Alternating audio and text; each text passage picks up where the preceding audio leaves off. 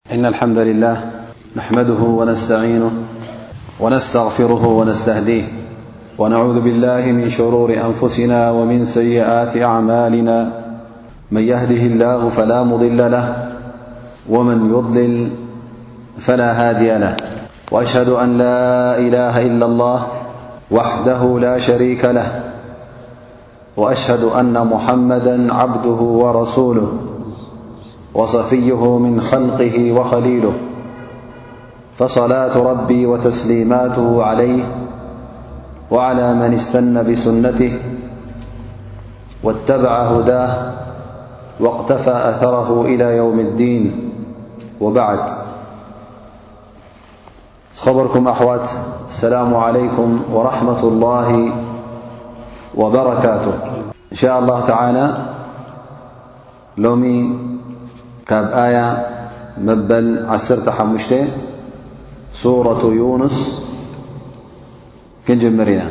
أعوذ بالله من الشيطان الرجيم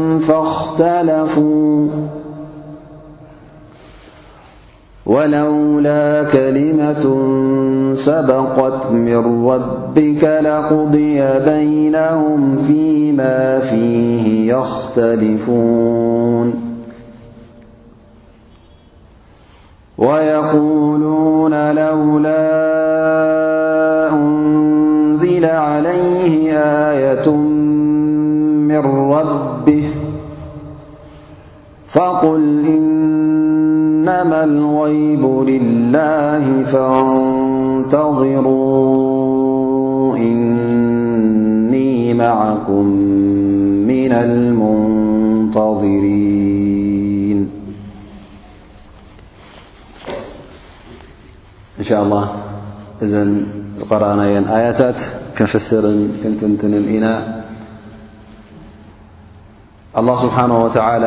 እውን ምሳና ክኸውን ኣብዚ ደርሲ እዚ ብደገፉን ሓገዙን ደጊምና ደጋጊምና ዱዓና ነቕርብ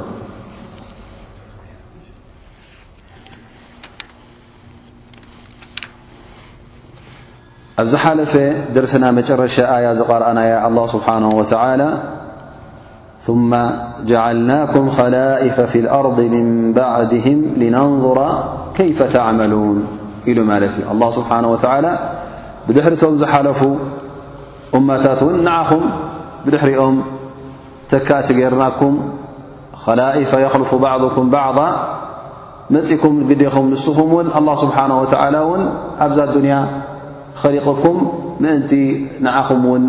ብግዴኹም ኣብቲ ናቱ ፈተና ኣብቲ ናቱ እብትላእ ንኸእትወኩም ንስኹም ውን እንታይ ከም ትገብሩ ንኽረአ መታን ፈልኡማ ኣብ ግዜ ነቢና ሙሓመድ ሰለ ላሁ ዓለይሂ ወሰለም እዚ ኣያ እዚ ክወርድ እንከሎ እቲ ኺላፋ ናታ ወይ ከዓ እቲ መተካእታ ኮይኑ ዝመፀ ህዝቢ እውን ኣብቲ መርመራ እውን ዝተረፈ ነይሩ ማለት እዩ ኣብ ክንዲ ተዓዚቡ በቲ ዝሓለፈ ታሪኽ ተማሂሩ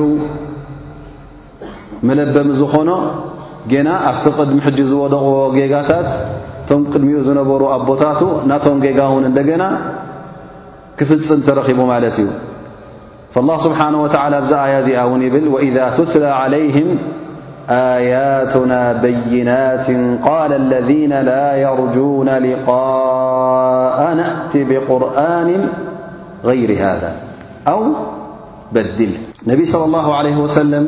ዳዕዋ ከካይዱ ከለዉ ህዝቦም ቁሬሽ ማለት እዩ ነቲ ሒዞሞ ዝመፁ መልእኽቲ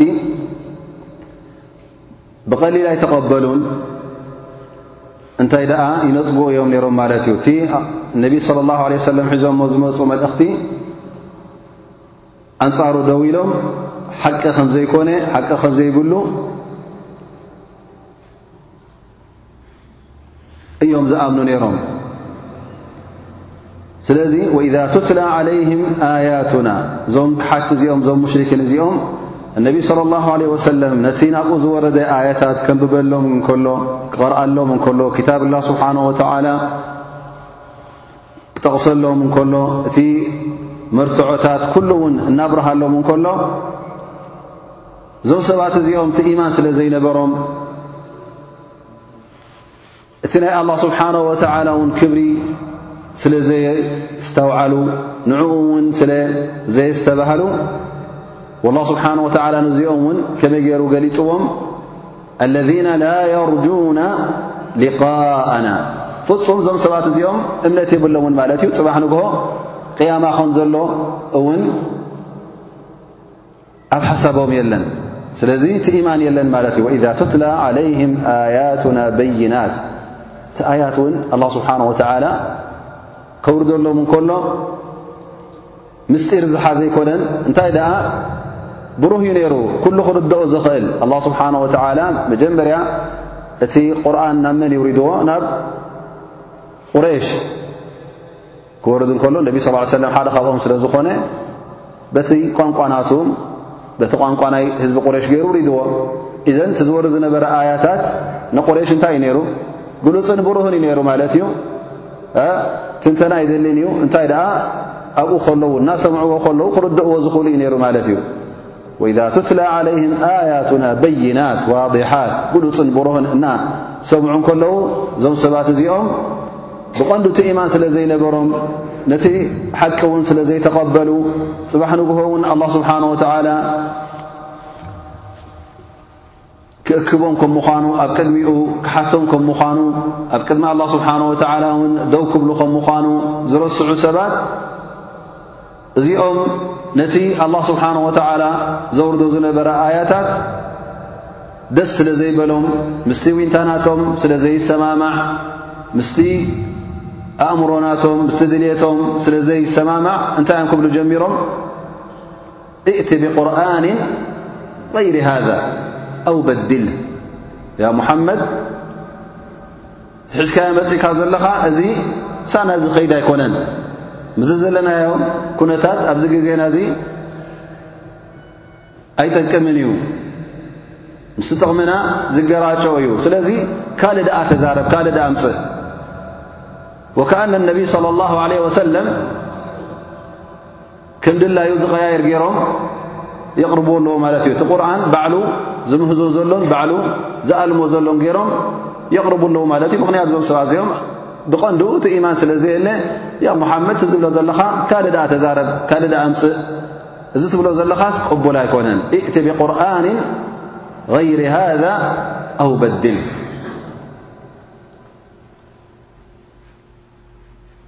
እዚ እውን ኩሉ ግዜ እቶም ካሓቲ መርገጾም ኣብቲ ናይ ኣላ ስብሓን ወተዓላ ዋሓይ ኣብቲ መልእኽቲ እስልምና ዘለዎም ርእቶ እዚ እዩ ከምቲ ቕድሚ ሕጂ ኣብቲ ዝሓለፈ ክታብ እትተረኽበ ናይ ምቕያርን ናይ ምልዋጥን ኣብዚ ቁርን እውን ንኽልወጥን ንኽቕየርን እነሀ ቀደም እቶም ሙሽሪኪን ፃውዒት ገይሮም ነይሮም እቶም ክሓቲ እነሀ ሎሚ እውን ከምዝኣመሰለ ፃውዒት ንሰምዖ ኣለና ኣብቲ ቁርን ዘሎ ደስ ዘይብሎም ኣያታት እዚ ከምዚ ዝኣመሰለ ኣያታት ምዚ ግዜ እዚ ስለ ዘይሰማማዕ ምስ ሓድሽ ናይ ህብረተሰብ ዓለም ድልታትን ጥቕምታትን ስለ ዝናቖት ከምዝን ከምዝን ዝኣመሰለ ኣያታት ክተርፍ ኣለዎ። ክትመሃርዎ የብልኩምን ንህፃናት ኮይኑ ንቆልዑትኩም እውን ኣይተምህርዎም እናበሉ እቶም ክሓቲ ነዚ ዘረባ እዚ እውን ሕጂ ንሰምዖ ኣለና ማለት እዩ ስለዚ እቲ መርገፂ ትማሊ ዝነበረን ሎሚ ዘሎን ናይ እቶም ፀላእት እስልምና ሓደ እዩ ዘሎ ማለት እዩ ኩሉ ኣይተቐየረን እቲ መርገፅ ንሱ እዩ ዘሎ ማለት እዩ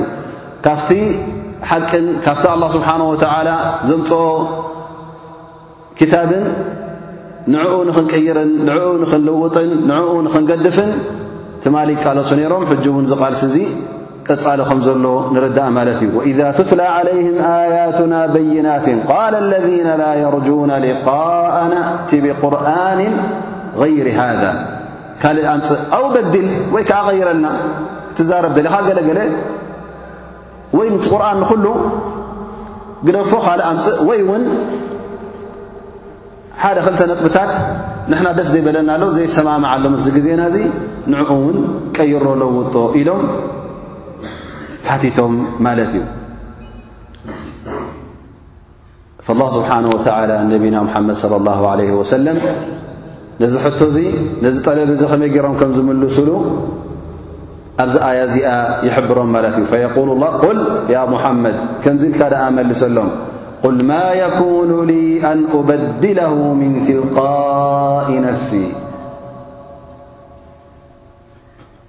ኣነ ነዚ ቁርን እዚ ነዚ ዲን እዚ ነዚ መልእኽቲ እዚ ባዕለይ ዝምህዞን ባዕለይ ዝብሎን ኣይኮነን ባዕለይ እውን ክቕይርን ክልውጥን ኣይክእልን እየ ምኽንያቱ እቲ ዝበሃል ዘሎ ዘረባ እቲ ዝንበብ ዘሎ ኣብ ኣእዛንኩም ባዕለይ ዘምጻእኩዎ ኣይኮነን ባዕለይ ስለዚ እውን ባዕለይ እውን ክቕይሮ ኣይክእልን እየ ኣነ ምእዙዝ እየ ኣላ ስብሓን ወተዓላ ዝኣዘዘኒ ባርያ እየ ኣነ ልኡኽ እየ መልእኽተይ ዘብፅሐ ድኣ እምበር እታ መልእኽቲ ከምታ ተለኣኽዋ የብፅሕ ድኣ እምበር ኣነ ባዕለይ ነቲ መልእኽቲ ንኽልውጦን ንኽቕይሮን ፍቓድ የብለይ እን ኣተቢዑ ኢላ ማ ዩሓ ኢለይ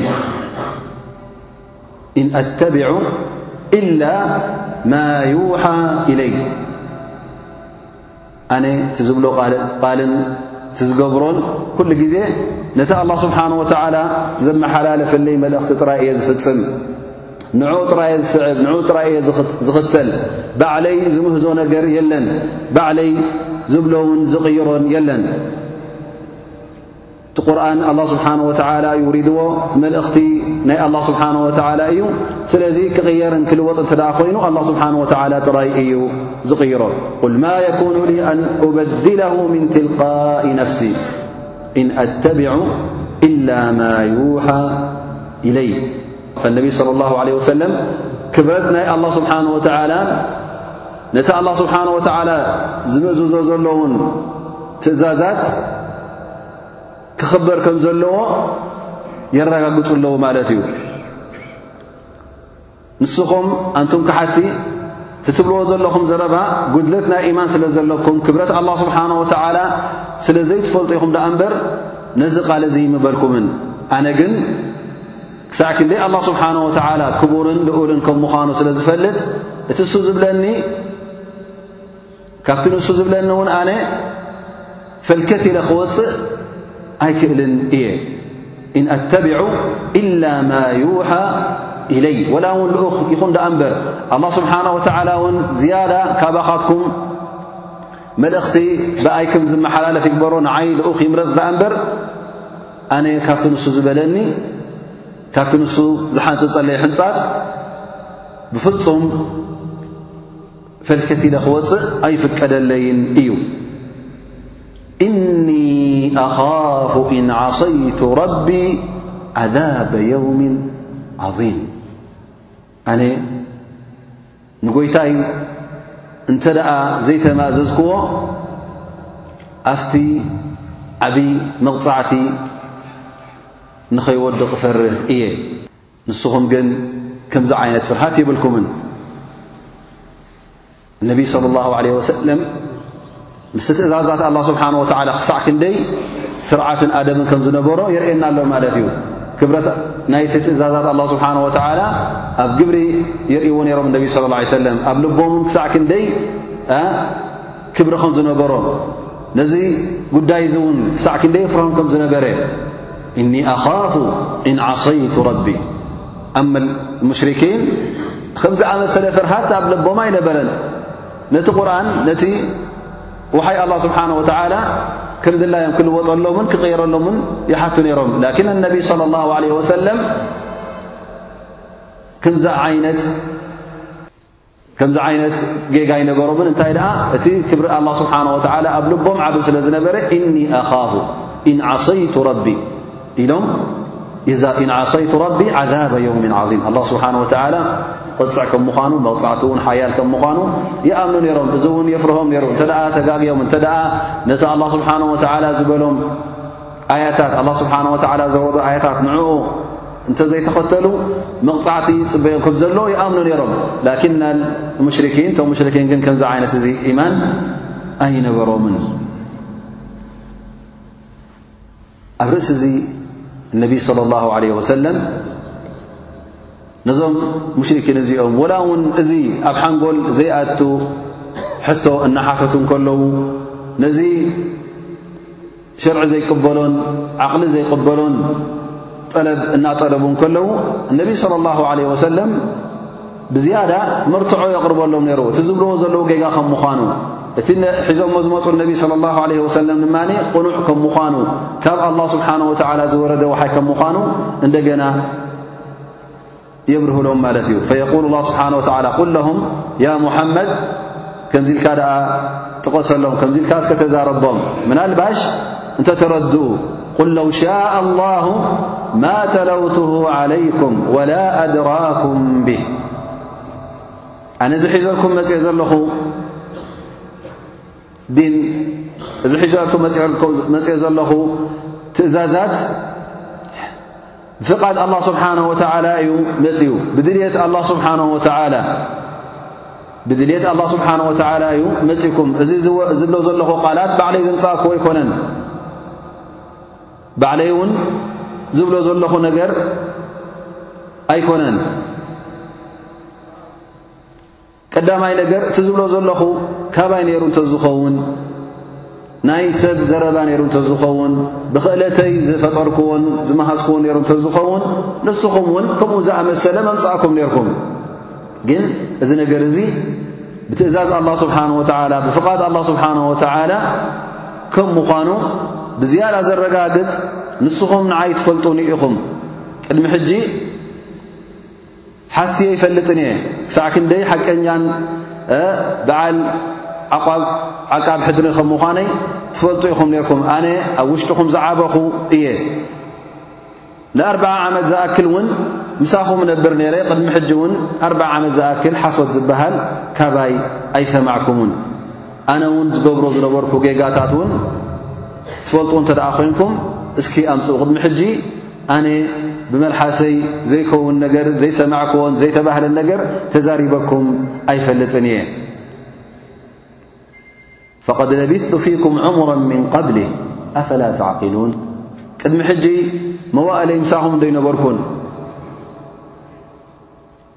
እሞ ቁሩብ ከይ ኣይትርድኡን ዶ ሓንጎልኩም ከይተስርሑን ኣነስ ሕጂ እንታይ እዩ ኣብዚ ዕድመ እዚ ምስ በጻሕኩ ናብ ሓሶት ዘሰጋግረኒ ፈቐድ ለቢቱ ፊኩም ዑምረን ሙሉእ ዕድመ ምሳኹም ነረ ቅድሚ ሕጂ ደኣ ደይዛረብ ነበርኩ ቅድሚ ሕጂ ደኣ ኣላህ ስብሓን ወተዓላ ከምዝን ከምዝን ኢሉ ዘይብል ስለዚ እዚ ዝመጽእ ዘሎ ዘረባ ካባይ ኣይኮነን ኣላ ስብሓን ወተዓላ ዝለኣኸኒ እዩ ስለዚ ወላ ውንቲ ናይ ብስነ ሓሳብ ሓንጎል ነገር እንተ ደኣ ርኢኹሞስ ናብቲ ሓቂ ምቐረብኩም ኔርኩም። እዚ ነገር እዚ ካባይ ከም ዘይምዃኑ ኣነ ውን ክልውጦን ክቕይሮን ከም ዘይክእል ኣላህ ስብሓነ ወተዓላ ከም ዝለኣኸኒ ምተቐበልኩም ኔርኩም። ኣቡ ስፍያን ገና ከየመስለመ ከሎ ንሻም ከይዱ ነይሩ ማለት እዩ ንሻም ምስ ከደ መሊክ ሩም ንጉስ ናይ ሮማውያን ሂረቅል ይሓቶ ካብቲ ሕቶታት ዝሓቶ ዝነበረ ይብሎ ንኣብ ሱፍያን ሃል ኩንቱም ተተሂሙነ ብልከذብ ብ ብዙሕ ነገራት ሓቲትዎ ግን ካብቲ ዝሓተቶ ብዛዕባ ናይ ነቢና ሓመድ صለ ه ለ ሰለም ተረኺቡ ዘሎ ጉዳይ ተሰሚዑ ነይሩ ማለት እዩ ሮማውያን በጺሑ ኣብ መንጎ ህዝቢ ዓረብ ዝርከብ ዘሎ ናይ ምፍሕፋሕ ነገራት ናይ ሓድሽ ዲን ናይ ሓደ ነቢ ወፅዩ ዘሎ ወረ መጺዎም ነይሩ ብዛዕባ እዚ ነገር እዚ ይሓቶ ማለት እዩ ንኣብ ሱፍያን ገና ኣብ ሱፍያን እውን ኣብቲ ሰዓት እቲ ኣብ እስልምና ይኣተወን ነይሩ ምስቶም ሙሽርኪን እዩ ነይሩ ማለት እዩ حد خف ح رقل قال هل كنتم تتهمونه بالكذب قبل أن يقول ما قال نجر يبل ل قدم جي بصت تتررዎ ኹ ك رዎ ركم ኹم ቃለ ኣቡ ሱፍያን ላ ፈቁልቱ ላ ቅድሚ ሕጂ ሓሶት ርኢና ሉይ ንፈልጥን ኢና ኣቡ ሱፍያን ባዕሉ ብመልሓሱ ነቢ صለ ላሁ ለ ወሰለም ሓሶት ተዛሪቡ ከም ዘይፈልጥ ቅድሚ ሕጂ ብሓሶት እውን ተጠርጢሩ ከም ዘይፈልጥ ተኣማሚኑ ማለት እዩ መዓ ንሱ ካብቶም መራሕቲ ናይቶም ሙሽርኪን እዩ ነይሩ ካብቶም ቀዳሞት ካብቶም ሽማግሌ ናይ ዓዲ ዝቝጸሩ ዝነበሩ ኣንጻር ነቢና ሙሓመድ صለ ላه ለ ሰለም ዝቃለሱ ዝነበሩ ማለት እዩ ኣንዳዕዲዑ ኣንጻር ነቢ ስ ሰለም ናይ መሪሕነት ቦታ ሒዙ ይቃለስ ነይሩ فهرقل انت له يملسل قال فقد أعرف أنه لم يكن ليدع الكذب على الناس ثم يذهب فيكذب على الله ت أ حد سب ሓሶት ብዛዕባ ሰብ ኣብ መንጎኡን ኣብ መንጎ ስፉላን ዘይተዛረቦ ደይበሎን ከምዚ ኢሉ ኢሉ ሓስዩ ዘይፈልጥ ሰብ እንተ ደኣ ኮይኑ ነዚ ነገር እዚ ከም ዓብ ነገር ገይሩ ዝወስዶ ዓብ ገበን ገይሩ ዓብ ወንጀል ገይሩ ዝወስዶ እንተ ደኣ ኾይኑ እሞ ጽባሕ ንግሆ መጺኡስ ኣላ ስብሓን ወተዓላ ዘይበሎን ዘይተዛረቦን ተዛሪቡ ክብል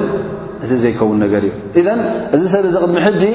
ሓሶት ተዛሪቡ ይፈልጥን እዩ ኣብ መንጎኹም ዘሎ ናይ ኣዱንያ ነገር ናይ ሰብ ነገር ኣብኡ ዘይሓሰወስ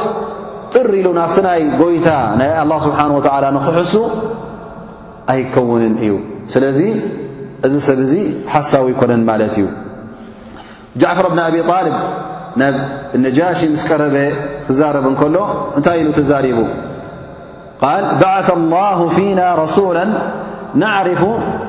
صدقه ونسبه وأمانته وقد كانت مدة مقامه عليه السلام بين أظهرنا قبل النبوة أربعين سنة عفر بن أبي الب ንመሬት ሓበሻ ከይዶም ምስ ገለ ካብቶም ብጾት ነቢና መሓመድ صለ ላሁ ለ ወሰለም ኮይኖም ኣብኡ ምስ ፈለሱ ቀሪቦም ንነጃሺ ክዛረብዎ ከለዉ እዚ ዘረባ እዚ ድማ ቁሬሽ ልኡኽ ዓምር ብን ልዓስ ልኢኻ ንክትመልሶም ምስ ሓሰበት ኣብ መንጎኦም ተረኽበ ዘረበ ማለት እዩ እንታይ ኢሉ ይዛረብ ንመሊክ ሓበሻ ንጉስ ሓበሻ ክዛረቦ እንከሎ ባዓث ላه ፊና ረሱላ ኣ ስብሓ ወላ ልኡኽ ልኢኹልና እዚ ዝለኣኸልና ልኡኽ እውን ንሕና ንፈልጦ ኢና ስድቀሁ በዓል ሓቂ ከም ምዃኑ ሓቂ ከም ዝዛረብ ወነሰበሁ ወዲ መን ከም ምዃኑ ካብ መን ከም ተወልደ ወኣማነተ ሕድሪ ከም ዝሕሉ እውን ንፈልጦ ኢና ኣሚን እዩ ነይሩ ኣሳዲቅ ኣሚን ኢሎም እውን ይፅውዕዎ ነይሮም ፈኢዘን እዚ ናልኩም መርትዖ እንተ ደኣ ከም መርትዖ ብኣእምሮ ክቕበ ዝከኣል እንተ ደኣ ኮይኑ እነሀ ቁል ለው ሻእ ኣላሁ ማ ተለውትሁ ዓለይኩም እዚ ነገር እዚ ባዕለይ ዘምጻእኮ ኣይኮነን ኣላ ስብሓን ወተዓላ ዘፍቀዶ እዩ ንሱ እውን እንተዘይ እፍቅድ ነይሩ ኣነ ወላ ሓንቲ ምተዛረብኩም ነረ ቅድሚ ሕጂ ምሳኹም ነብር ነረ ንኣርብዓ ዓመት ሓንቲ ብዛዕባ ነገር እዚ ተዛሪበኩም ኣይፈልጥን እየ ግን መልእኽቲ ካብ ኣላህ ስብሓን ወተዓላ ምስ መጸ ንሱ ምስ ኣፍቀደ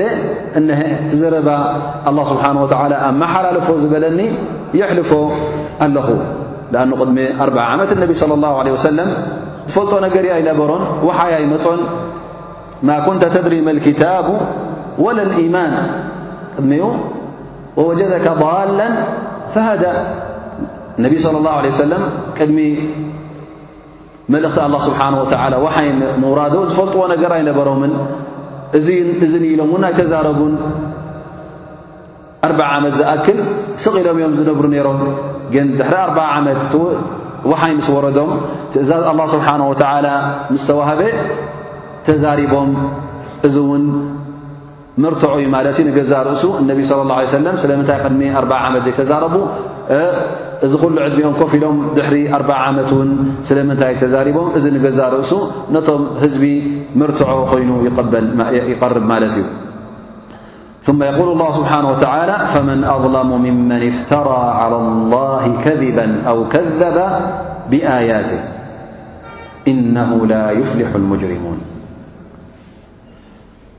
ፈመን ኣظለም ኣይ ላ ኣሓደ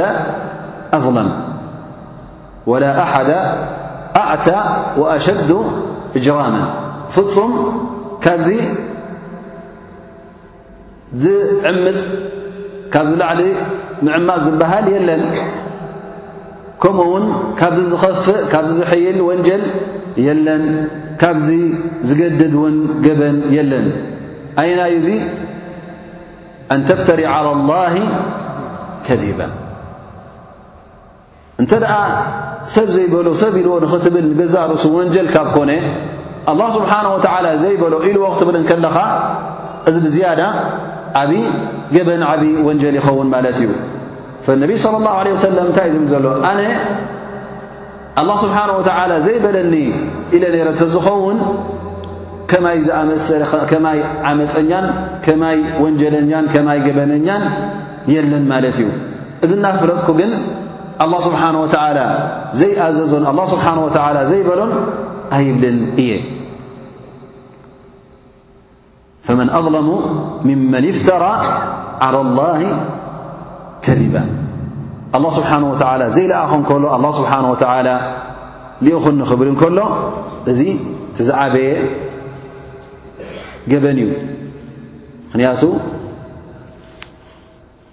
ኣብ መንጎኻን ኣብ መንጎ ሰብን እትገብሮ ገበን ዓመፅ ንዕኡ ሓሲኻ ተናቑተሉ እዚ እኳ ንገዛእ ርእሱ ካብቲ ዓብዪ ገበናት እናተቖፀረ ፈማ ባሉካ እዚ ነገር እዚ ብዛዕባ ኣላ ስብሓን ወተዓላ ክኸውን እንከሎ እንተ ሓደ ሰብ ኣላ ስብሓን ወተዓላ ኸይለኣኾ ኣላ ስብሓን ወተዓላ ልእኹኒ እንተ ደኣ ኢሉ እዚ ሰብ እዚ እውን ገና ኣብ ኣዱንያ እንከሎ ረቢ ይኸሽፎ እዩ ኣላ ስብሓን ወተዓላ እንተ ደኣ ርኢና እነቢ ስለ ላሁ ለ ወሰለም ነቢ ኢሎም መልእኽቶም ኣብፂሖም እነቢ ስለ ላሁ ለ ሰለም ምስ መፀ እውን ካልኦት ንሕና እውን ከምኡ ዘይንገብር ኢሎም ዘይተላእኩ እንከለዉ ኣንብያ ዘይኮኑ እንከለዉ ንሕና ኣንብያ ኢና ንሕና ልኡኻን ኢና ክብሉ ጀሚሮም ማለት እዩ ግን መጨረሻ ናቶምን መጨረሻ ናይ ነቢ ሙሓመድ ለ ላሁ ለ ወሰለም ተግባራት ናቶምን ተግባራት ናይ ነቢ ሙሓመድ ለ ላ ለ ሰለም ክንሪኦ ከለና ዓብ ፍልልይ እዩ ዘሎ ማለት እዩ ሙሰይለመተልከዛብ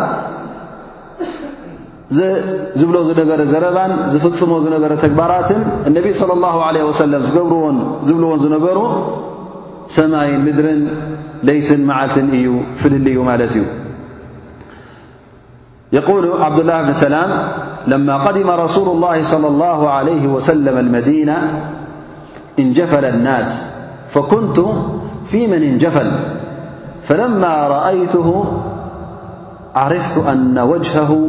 ليس بوجه رجل كذاب قال فكان أول ما سمعته يقول يا أيها الناس أفشو السلام وأطعم الطعام وصلوا الأرحام وصلوا بالليل والناس نيام تدخل الجنة بسلام ሃذ ነብይ صለ ላሁ ዓለይህ ወሰለም ሓታ ዓብድላ ብን ሰላም ጌና ኣብ እስልምና ይኣተወን ነይሩ ካብቶም ኣይሁዳውያን እዩ ነይሩ ማለት እዩ ፈይብል ነቢ صለ ላሁ ለ ሰለም ንመዲና ምስ መፁ ኩሉ ሰብ ካብኦም ነፊሩ ካብኦም ሃዲሙ ፈኩንቱም ፊ መን እንጀፈል ካብቶም ዝቐረቦም ኣይነበርኩምን ርሒቀዮም እየ ግን ገፆም ምስ ረኣኹ ገፅ ነቢና ሙሓመድ صለ ላه ሰለም ምስ ረኣኹ ገፆም ናይ ሓሳዊ ገጽ ከም ዘይነበረ፣ ሓሳዊ ሰብኣይ ከም ዘይመስሉ። ኢዘን እቲ ሓሳዊ ንገዛእ ርእሱ ኣብኡ ከለኻ እውን ይፍለጥ እዩ። ሓሳዊ ሰብ ኣይኮነን ዶ ምሳኻ ኣርዓ ዓመት ተቐሚጡ እነሀ ዓብዱላ ብሰላም ንገዛእ ርእሱ ኣርዓ ዓመት ኣይገበረን ግን ምስቲ ዘለዎ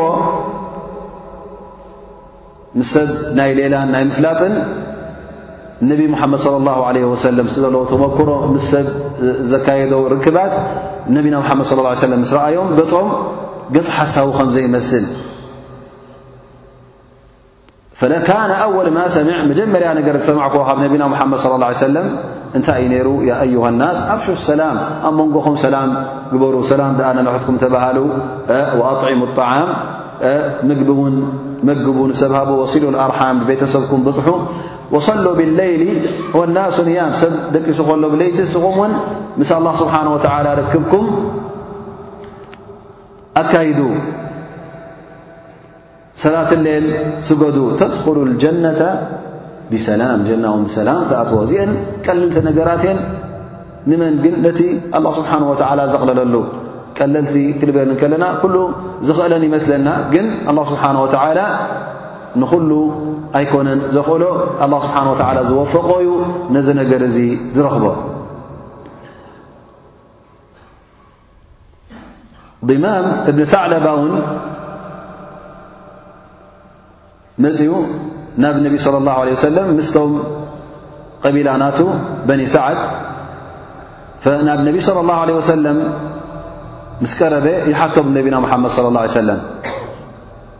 فن ل من رفع السماء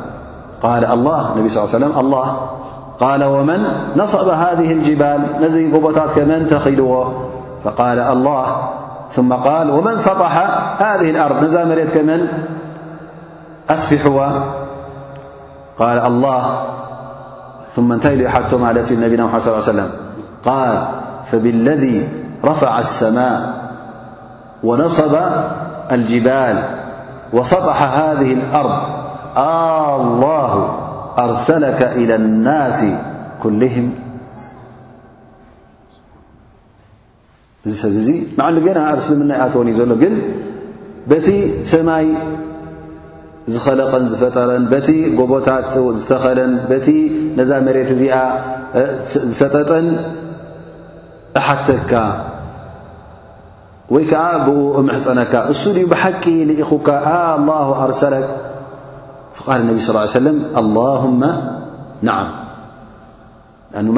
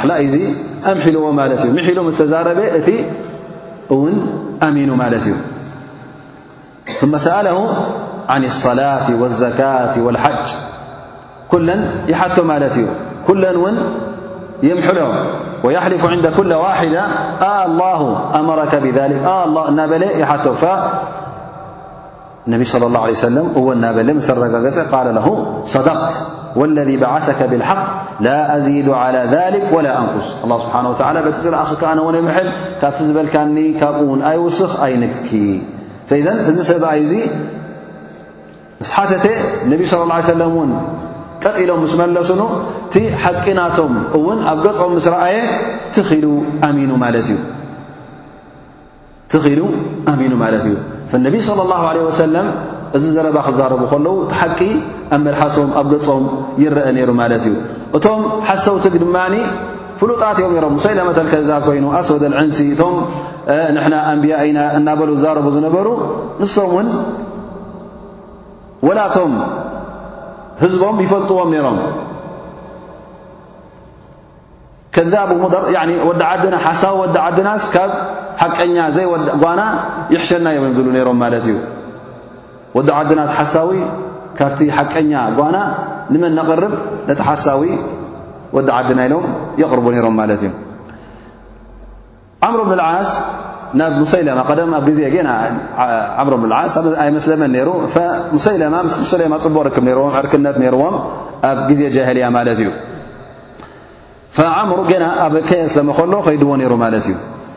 ፈሕጂ ዘረባ ዘረባ መንጎኦም ይመፅእ ማለት እዩ ፈይብሎ ያ ዓምር እቲ ምሳኹም ዘሎ ነብይ እንታይ ሓድሽ ነገር እንታይ ኣለዎ ወረ እንታይ ኣለዎ ገለ ቁርን ዝወረደ ወይ ከዓ ዋሓይ ዝወረዶ ሎ ዶ የለን ወረስካ ሃበን እንታይ ኣለካ ኣኽባር ይብሎ ማለት እዩ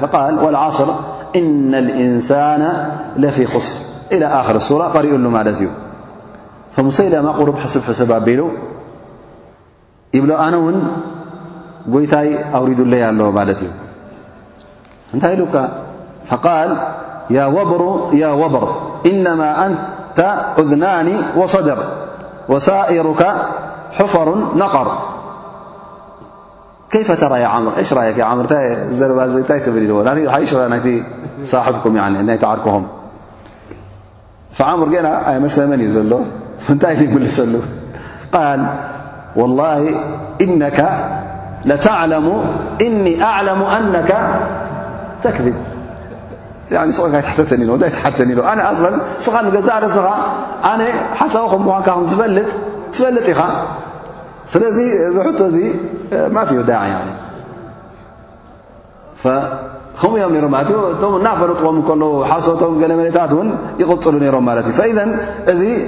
ጌና ዓምሮ ብልዓዝ ኣብ እስልምና ከይኣተዎ ከሎ ፊ ሓለት ሽርክ እንከሎ ማለት እዩ ኣብ መስሊሙ ነይሩ እቶ ዝኸውን ምናልባሽ ስለ ዘመስለ ይመራ ግን ሙሰይለማ ንገዛእ ርእሱ ኣብ እስልምና ይኣተዎን ብነቢና ሓመድ ስ ሰለም ኣይኣመነን እንተ እቶም ኣላ ስብሓን ወተዓላ ኸይለኣኸም እንከሎ ኣላ ስብሓን ወተዓላ ልኢኹና ዝብሉ ኩሉ ሰብ ዝፈልጦምን ዝኸሽሖምን እዮም ማለት እዩ ላኪን ተሓቀኛ ኩሉ ግዜ ፍሉጥ እዩ ويقول الله سبحانه وتعالى ومن أظلم ممن افترى على الله كذبا أو قال أوحي إلي ولم يوحى إليه شيء ومن قال سأنزل مثل ما أنزل الله طبعا زي تزخفأيدما طبعا افترى على الله كذبا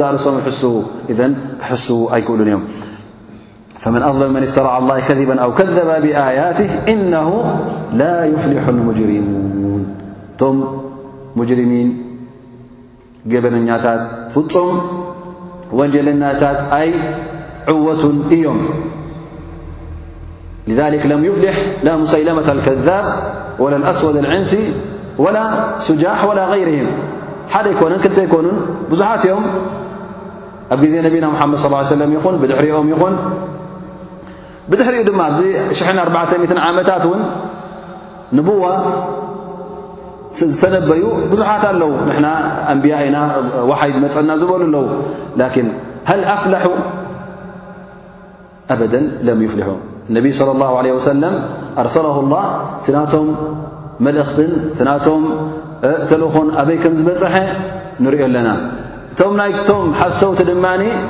أي كم ዝረف نر ና بفፁم أي عوት الله سبحنه وتلى قال إنه لا يفلح المجرمون وهؤلاء من أجرم المجرمين لله سبحنه وتعلى وصفهم بأنه لا أحد أظلم منهم م ብላዕሊ ወይ ከኣ ካብኦም ዝያዳ ዓመጸኛን ገበነኛን የለን ኢሉ ኣላ ስብሓን ወተዓላ ገሊጽዎም እዩ ስለዚ እዞም ሰባት እዚኦም እውን እዞም ሙጅርሚን እዞም ወንጀለኛታት ኣላ ስብሓን ወተዓላ ብፍጹም ከም ዘይዕወቱ ኣብዛ መጨረሻ ዝኣያ እዚኣ እነሁ ላ ዩፍሊሑ ልሙጅሪሙን ኢልዎም ማለት እዩ ኣማ ልሙተቁን ኣማ እቶም ሓቂ ተዛረቡ እቶም ፈራሃት ረቢ ግን ኣላ ስብሓን ወተዓላ ተዓወት ንዕኦም ገይርዎ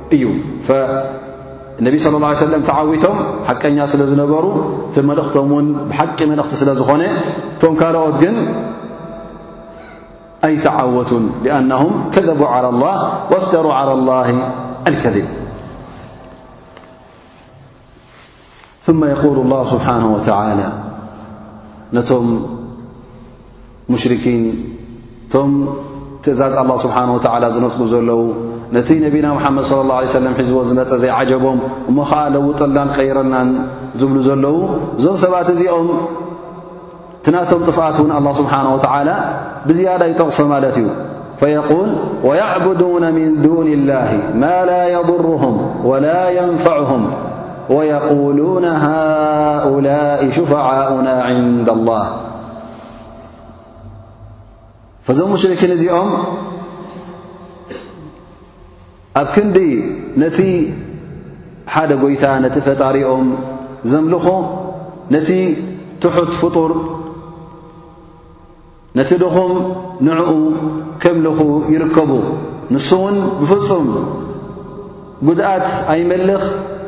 ረብሓ እውን ኣይመልኽን እዩ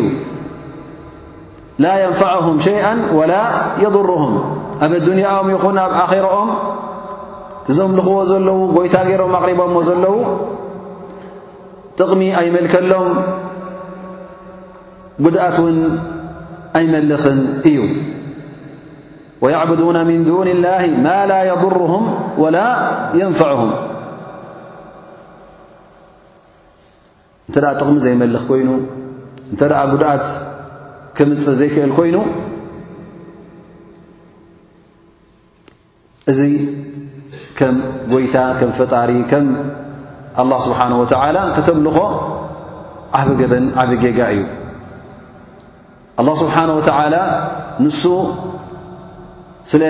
ጠቕመናን ጉድኣት እውን እንተ ደኣ ክወርደና ኮይኑ ብዘይፍቓዱ ስለ ዘይወርደና ንዕኡ ነምልኽ ካብኡ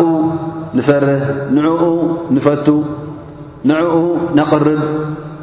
ላኪን ሃኡላእ ضሉ ተጋግዮም ነቲ ዘይጠቅምን ዘይጎድእን ንዕኡ ከምልኹ ተረኺቦም ኣብ ርእሲኡ እውን ቃሉ ሃኡላء ሽፋዓኡና ዕንዳ ላህ እዞም ንምልኾም ዘለና እዞም ነቕርቦም ዘለና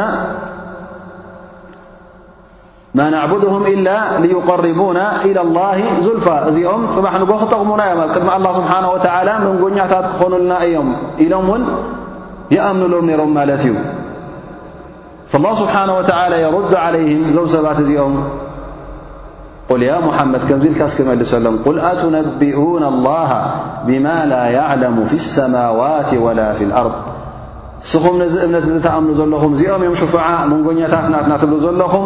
ካበይ ኣምጺእኩምሞ ኢኹም ንኣላ ስብሓን ወተዓላ እዲኹም ከተምህሩ ዘልኹም ኣላ ስብሓን ወተዓላ ዘይፈልጦ ንኸተፍልጥዎ ንሱ ሰማይን ምድርን ዝኸለቐስ ኣብቲ ሰማይን ምድርን ዝካየድ ነገራት ዘይፈልጦ ነገር ጌርኩም ወሲድኩም ንዕኡ ንኸተፍልጡ ዲኹም ትደልዩ ዘለኹም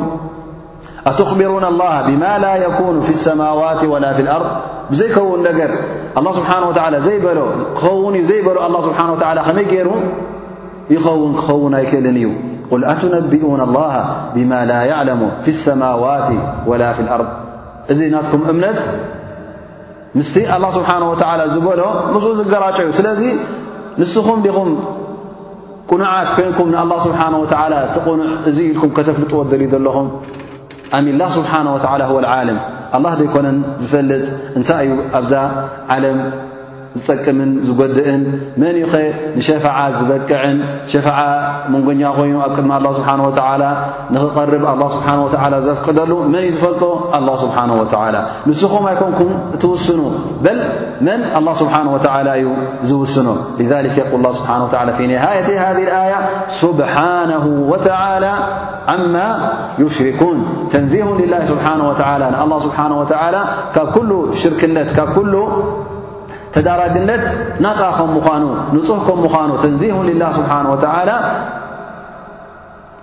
ኣብዛ መጨረሻ እያ ምኽንያቱ እዞም ሰባት እዚኦም እንተ ካልኦት ምስ ኣላ ስብሓን ወተዓላ ኣምልኾት ክወሃቡ ዝፍቀድ ኣሎ ዝብሉ እንተ ደኣ ኮይኖም ወይ እውን ኣለዉ ካልኦት እውን መንጎኛታት ዝኾኑ ሽፉዓ ዝኾኑ ዝብሉ እንተ ደኣ ኮይኖም እዚ ዅሉ እንታይ ማለት እዩ ምስ ኣላህ ስብሓን ወተዓላ ሽርካ ምግባር ማለት እዩ ወላ ስብሓን ወተዓላ ሙነዘሁን ዓን ሸሪክ ኣላ ስብሓን ወተዓላ ካብ ሽርካ ናፃ እዩ ምስኡ ሽርካ ዝኸውን የለን ምስኡ ተዳራጊ እውን የለን ንኣላ ስብሓን ወተዓላ ከነምልኽ ከለና እንኮ ንዕኡ ጥራይ ከነምልኽ ኣለና ምስኡ ካልእ ተዳራጋ ክንገብር የብልና ወይ ከዓ ንዑ ገዲፍና ናካልእ ግልፅ እውን ክንብል ኣይፍቀድን እዩ ስብሓንሁ ወተዓላ ዓማ يشركون فالله سبحانه وتعالى ينزه نفسه ويسبح بأنه منزه عن الشريك وهو متعالي كذلك على أن يشرك به فالله سبحانه وتعالى لعل خلوئي ثم يقول وما كان الناس إلا أمة واحدة فاختلفوا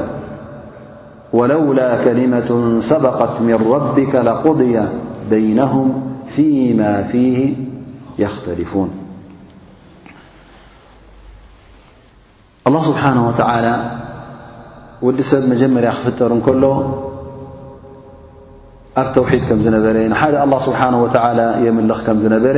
እዩ ዝሕብረና ዘሎ ወማ ካነ ናሱ ኢላ እመተ ዋሕዳ ሓንቲ እማ እዮም ነሮም መገዲ ሓቂ ሒዞም እዮም ዝኸዱ ነይሮም ብሓንቲ ዲን ዲን ኣልእስላም ንኣላ ስብሓን ወተዓላ ኣስተስሊሞም ኢዶም ሂቦም ይጓዓዙ ነይሮም የቁል እብኒ ዓባስ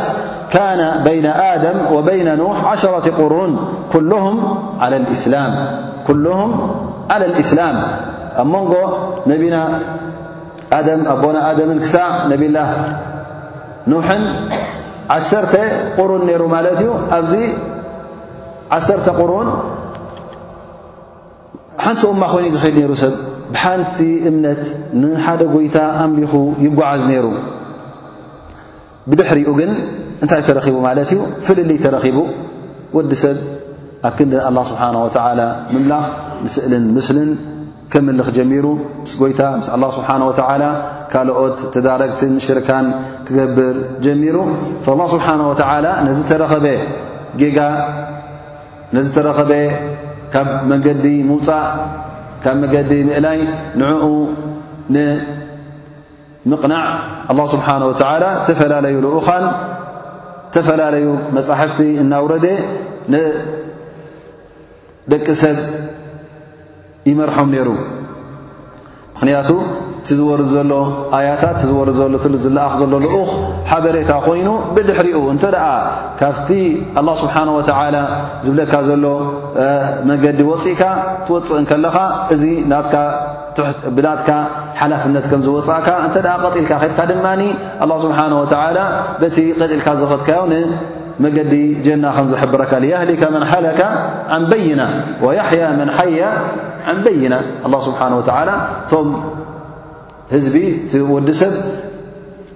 ክመርጽ መገዲ ሓቂ ኽርኢ ሪኡ ኸኣ በቲ ኣላ ስብሓን ወተዓላ ሂብዎ ዘሎ ዓቕልን ኣእምሮን ንመገዱ ንኽመርጽ ኣላ ስብሓን ወተዓላ ልኡኻን ልኢኹ ማለት እዩ ወማ ካነ ናሱ ኢላ እመተ ዋሕዳ ሓደ እዮም ነሮም ዳሕራይ ግን ተፈላለዮም ነናቶም ዲን ገይሮም ማለት እዩ ካብቲ ቀንዲ ናይ ተውሒድ መገዲ ካብኡ ወፂኦም ናይ ሽርካ መገዲ መሪፆም ተፈላለዩ እምነት ገይሮም ማለት እዩ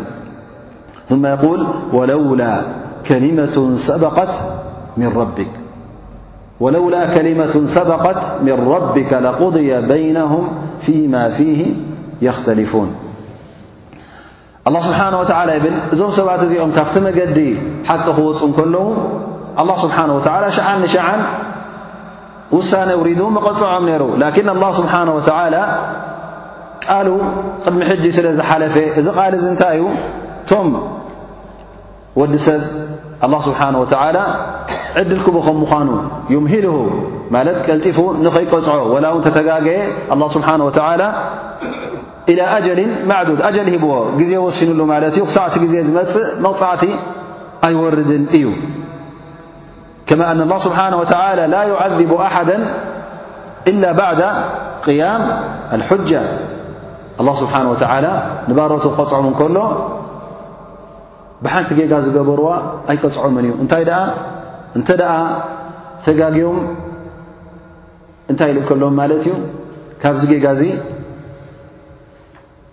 ናብ መገዲ ቅንዕና ዘውጽኦም ልኡኽ ወይ ክታብ ይሰደሎም ማለት እዩ ወማ ኩና ሙዓዚቢና ሓታ ነብዓታ ረሱላ ልኡኻ እንከይልኣኸ እንከሎ ኣላ ስብሓን ወተዓላ ኣይቀፅዕን እዩ ስለዚ ወለውላ ከሊመት ሰበቀት እንታይ እያ እዛ ከሊማ እዚኣ እዛ ቓል እዚኣ ዝሓለፈት ኣላ ስብሓን ወተዓላ ነቶም ህዝቡ ልኡኻን ከይለኣኸ ከሎ፣ መብርሂ ከይሰደደ ከሎ፣ መርትዖ ከየውረደ ከሎ ከይቀጽዖም፣ ኣብ ርእሲኡ እውን ንባሮቱ እውን ውሱን መዓልቲ ገይሩሎም ዮመልቅያማ ገይሩሎም ዕድመ እውን ሓደ ሰብ ዕድመ ተዋሂቡ ማለት እዩ ክሳዕ ዝመውት ዕድል ይረክብ ቶባ ክብል እንተ ኮይኑ ቶባብል መገዲ ሓቂ ክመርፅ እተ ኮይኑ መገዲ ሓቂ ይመርፅ ኣብ ጌጋ ቅፅል እተ ኮይኑ ጌጋ ይቕፅል ላ ስብሓን ወተላ ጀዓላ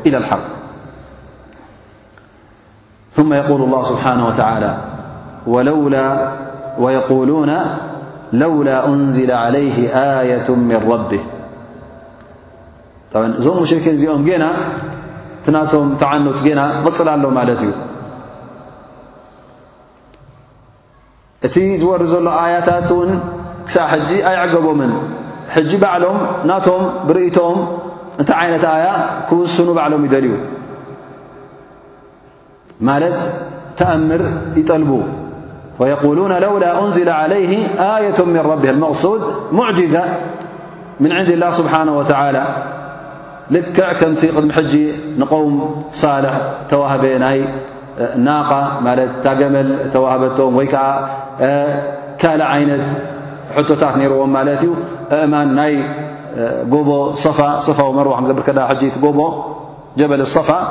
ኢሎሞ ያ ረሱላ ላ እንተ ሓቂ ልኡኽ ኮንካስ እዚ ጎቦ እዚ ዝእማን እዚ ወርቂ ገይረልና ኢሎሞ ማለት እዩ ወይ እውን እንተ ብሓቂ ልኡኽ ኮንካ እዚ ጎቦታት ኣብ መካ ዘሎ ፀቢቡና ኣሎ ማለት እዩ ሽወያ ኣክግፍሓልና እስኪ ኣርሓቕ ኣርሓቕ ኣብለልና ሃ እሶም ዝብልዎ ማለት እዩ ፈበሳቲን ኣንሃር ማለት ጀና ከውንት መሬት ክዝራእ ማለት እዩ ብ እዚ ሕጂ እዚ ጠለብ እዚ ዝጠልብዎ ዘለዉ ተዝወሃብዎ ነይሮም እውን ኣይመኣመኑ ኣ ኣስን እዞም ሰባት እዚኦም ንኣምኑ ድልት የብሎምን ድልት የብሎምን ላ ስብሓን ወተላ ሓኪም ገዛእ ርሱ ኣ ስብሓ ላ እንተ እዞም ሰባት እዚኦም እቲ ዝጠልብዎ ዘለዉ ኣያታት ተዋሂቦም እንተ ዘይኣመኑ ሓንቲ ለይቲ ይሓድሩን እዮም ኣላ ስብሓን ወተዓላ ክቐፅዖም እዩ መዓ ንኸይጠለቡ ከለዉ ኣላ ስብሓን ወተዓላ ካብዚ ዝዓቢ ኣያታት ኣርእዎም እዩ እንፈለቀ ልቀመሩ ፊልቀይ ክልተ ተመቒላ ወርሒ ርኦማ እዮም ግን ኣይኣመኑን ወላ ስብሓን ወተዓላ እዚ መልእኽቲ ነቢና ሙሓመድ ለ ላ ለ ወሰለም ንቁሬሽ ጥራይ ኣይኮነን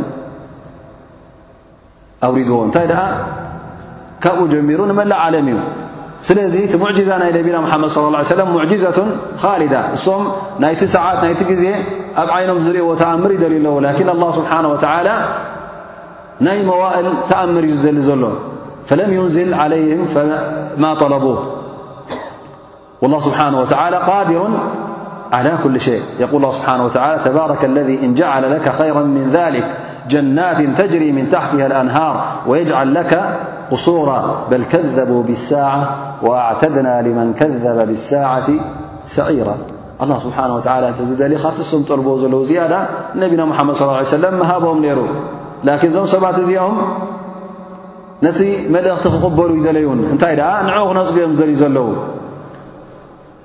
ቅድሚ ሕጂ እውን ኣላ ስብሓን ወተዓላ ንወዲ ሰብ ፈቲንዎ እዩ ክንደይ ተኣምር ዘየውረደ ሃል ኩሎም ተቐቢሎ እሞ ቀውሚ ተሙድ ሃል ሳልሕ እታ ናቃ ወይ ከዓ እታ ገመል ምስ መፀት ሃል ኣሚኖም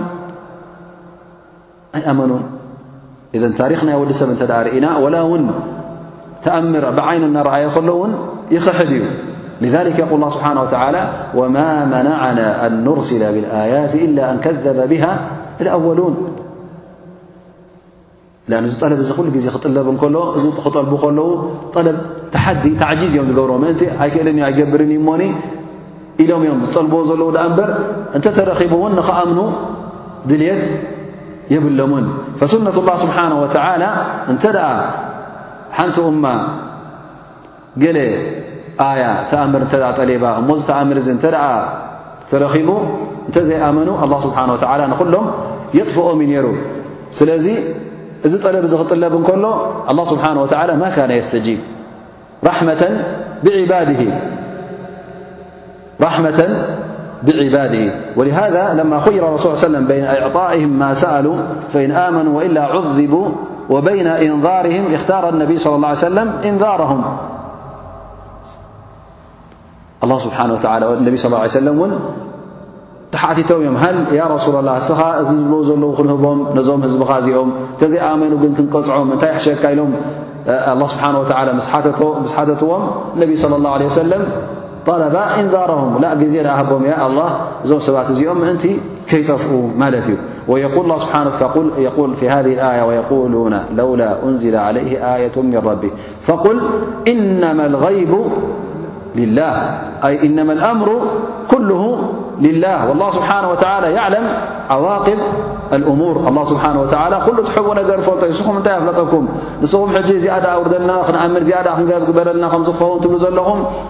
እንታይ ኣፍለጠኩም እንተ ደኣ እቲ ትብልዎ ዘለኹም ኣያ ወሪዱ ከም ትኣምኑ እንታይ ትፈልጡ ከም ዘይትኣምኑ መን ይኣምን መን ይኽሕድ እንታይ ይርከብ እንታይ መቕጻዕቲ እዚ ዅሉ ነገር ኣብ ኢድኩም ኣይኮነን ንስኹም እውን ትውንንዎን ትፈልጥዎን የብልኩምን ወላ ስብሓን ወተዓላ የዕለም ብዓዋኢቂ ብልእሙር ኣላ ስብሓን ወተዓላ ንሱ እዩ እንታይ ከም ዝርከብ እንታይ ከም ዝኸውን ዝፈልጥ ጥራይ ድኣ እምበር ንስኹም ኣይትፈልጡን ኢኹም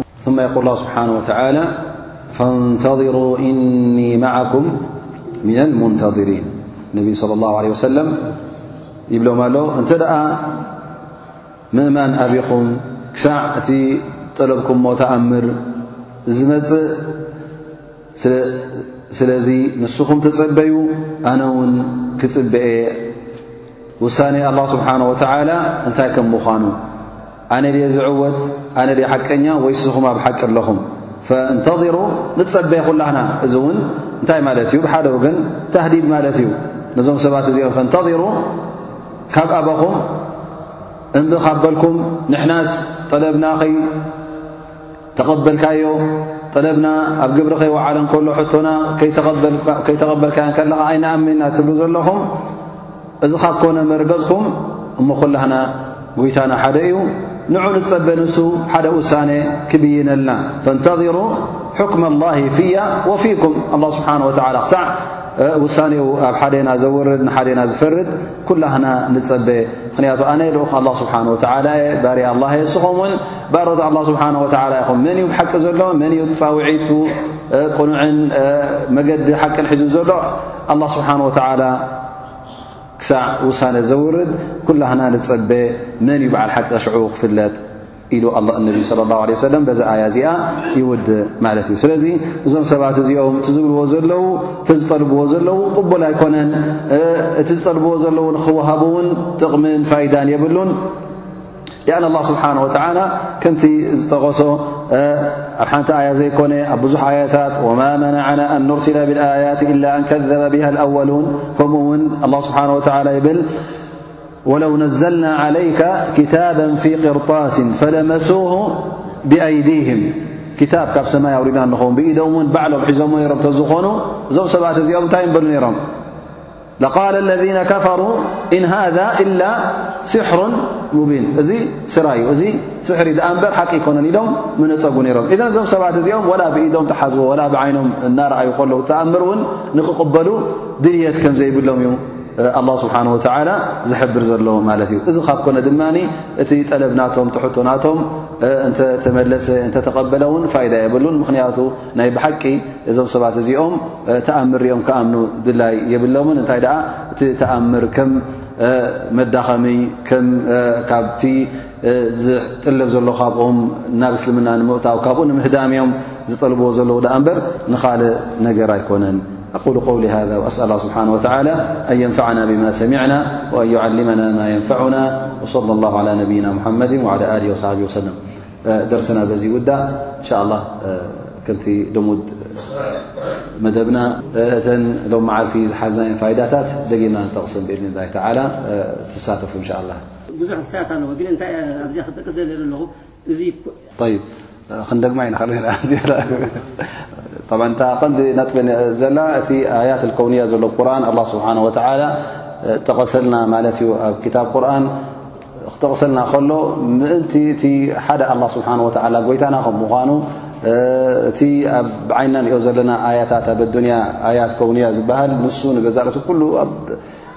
ሙሉእ ዓለም ዝረአ ነገር ማለት እዩ ሕቡእ ነገር ኣይኮነን ኩሉ ኣብ ዓለም ዘሎ ዝርኦ ማለት እዩ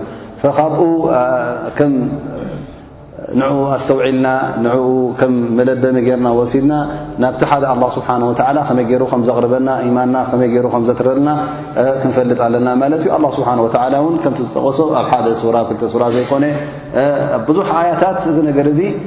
ከም ሓበሬታ ኣላ ስብሓን ወተዓላ ጠቒስዎ ማለት እዩ ተመሊስናን ናብ ነብስናን ናብቲ ኣብ ቅድሜናን ኣብ ድሕሬናን ኣብ ዓይንና ንሪኦ ዘለና ኣብ ሰማይን ኣብ ምድርንን ንሪኦ ዘለና ኣያታት ኣላ ስብሓን ወተዓላ ንዕኡ ተዓዚብና ነቲ ኢማንና ከነትርር ከም ዘለና ኣላ ስብሓን ወተዓላ ሓቢሩና እዩ ማለት እዩ እዚኣ እታ ብሕፅር ዝበለት እንሻ ላ ባረከላ ፊክ እወ እቲ እስላም ሁወ እስትስላም ሊላህ ስብሓን ወተዓላ ስለ ዝኾነ እስልምና እቲ ዲን ናይቶም ኣንቢያ ቀዳሞት ኣንቢያ እዩ እሱ እዩ ከዓ እቲ ቀዳማይ እምነት እቲ ናይ ዲን ኣልፍጥራ ማለት እዩ ንሳ እያታ ቀዳመይቲ እምነት ኣላ ስብሓን ወተዓላ ዝኣዘዛ ማለት እዩ ንሕና እውን ንዓ ሒዝና ኣይና ንኽተል ዘለና ማለት እዩ ኢማን ሰይድና ኣደም ኑሕ ዒሳ ሙሳ እብራሂም ኩሎም ቶም ኣንቢያ እውን ናቶም ኢና ንሕና ኢና ሒዝና ዘለና ንዑ ኢና ንኽተል ዘለና ማለት እቶም ካልኦት ካብቲ ሓቂ እምነት ካብቲ ሓቂ ዲን ውፁኣት ከም ምዃኖም ዶም መዓልቲ ብዝያዳ እውን በሪሁልና ይብል ማለት እዩ ባረከላ ፊክ እዎ እዚ ኣያታት እዚ ዝቁርን እዚ ኣላ ስብሓን ወተላ ኣውሪድዎ እነቢ ስለ ላ ሰለም ባዕሎም ዝመሃዝዎ ኣይኮኑን እነቢ ስለ ላ ሰለም እውን ነዚ ቁርን እዚ ንክቕይሩ ሓላፍነትን ክእለትን የብሎምን ስለዚ ንሶም ገዛእ ርእሶም ነቢ እንከለዉ ደረጃኦም ውን ካባና ላዕሊ እንከሎ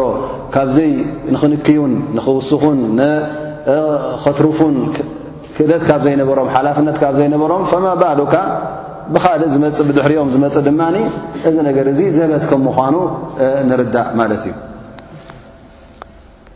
ጠይብ ባረከላ ፊክ እወ እቲ ባህርያት ናይ ካሓቲ ሓደ ከም ምዃኑ ባህርያቶም ኣብ ግዜ ረሱልን ቅድሚ ሽሕን ኣርባዕተ ሚእትን ዓመታት ዝነበረ ወይ እውን ሓታ ቅድሚኡ ዝነበረ እውን ሕጂ ዘሎን እውን እቲ ባህርያት ናቶም ናይቶም ካሓቲ ናይቶም ንስልምና ዝፀልኡ ፅራት እስልምና ሓደ ከም ምዃኑ ፃውዒቶም ትማሊን ሎምን ሓደ ከም ምዃኑ ነቲ ናይ እስልምና ናይ ዲን ኣልእስላም ንዕኡ በብ ቅሩብ ንክልውጡን ንኸትርፉን ይቃለሱ ነይሮም ሕጂ እውን ንዕኡ ይቃለሱ ከም ዘለዉ ንርዳእ ማለት እዩ ባረከ ላ ፊክ እወ ነቢ صለ ላሁ ለ ወሰለም እኒ ኣኻፉ ን ዓሰይቱ ረቢ ክብሉ ከለዉ ንገዛእ ርእሶም ነቢ ስለ ላሁ ለ ወሰለም ክሳዕ ክንዲዙ ካብ ኣላ ስብሓን ወተዓላ ካብ ፈርሁ ንዓና የምህሩና ኣለዉ ማለት እዩ እቲ ማዕስያ ንገብሮ ዘለና ብጣዕሚ ኣስጋኢ ከም ምዃኑ ካብዚ ማዕስያ እዚ ክንፈርሕ ከም ዘለና ምኽንያቱ ንኣላ ስብሓን ወተዓላ ዘይምምእዛዝ ማዕስያ ምፍፃም ናብ መቕፃዕቲ ስለ ዘውድቐካ መቕፃዕቲ ኣላ ስብሓን ወተዓላ እውን እንኽእሎ መቕፃዕቲ ይኮነን ሓያል መቕፃዕቲ እዩ ስለዚ ካብዚ ነገር እዚ ክንፈርህ ኣለና ነቢ ስ ሰለም ባዕሎም እኳ እኒ ኣኻፉ ዝበሉ እፈርህ ኣለኹ ካብዚ ነገር ዝበሉስ ፈሚንባብ ኣውላ ኣነኽሻ ወነኻፍ ምን ዓዛብ ላህ ናኑ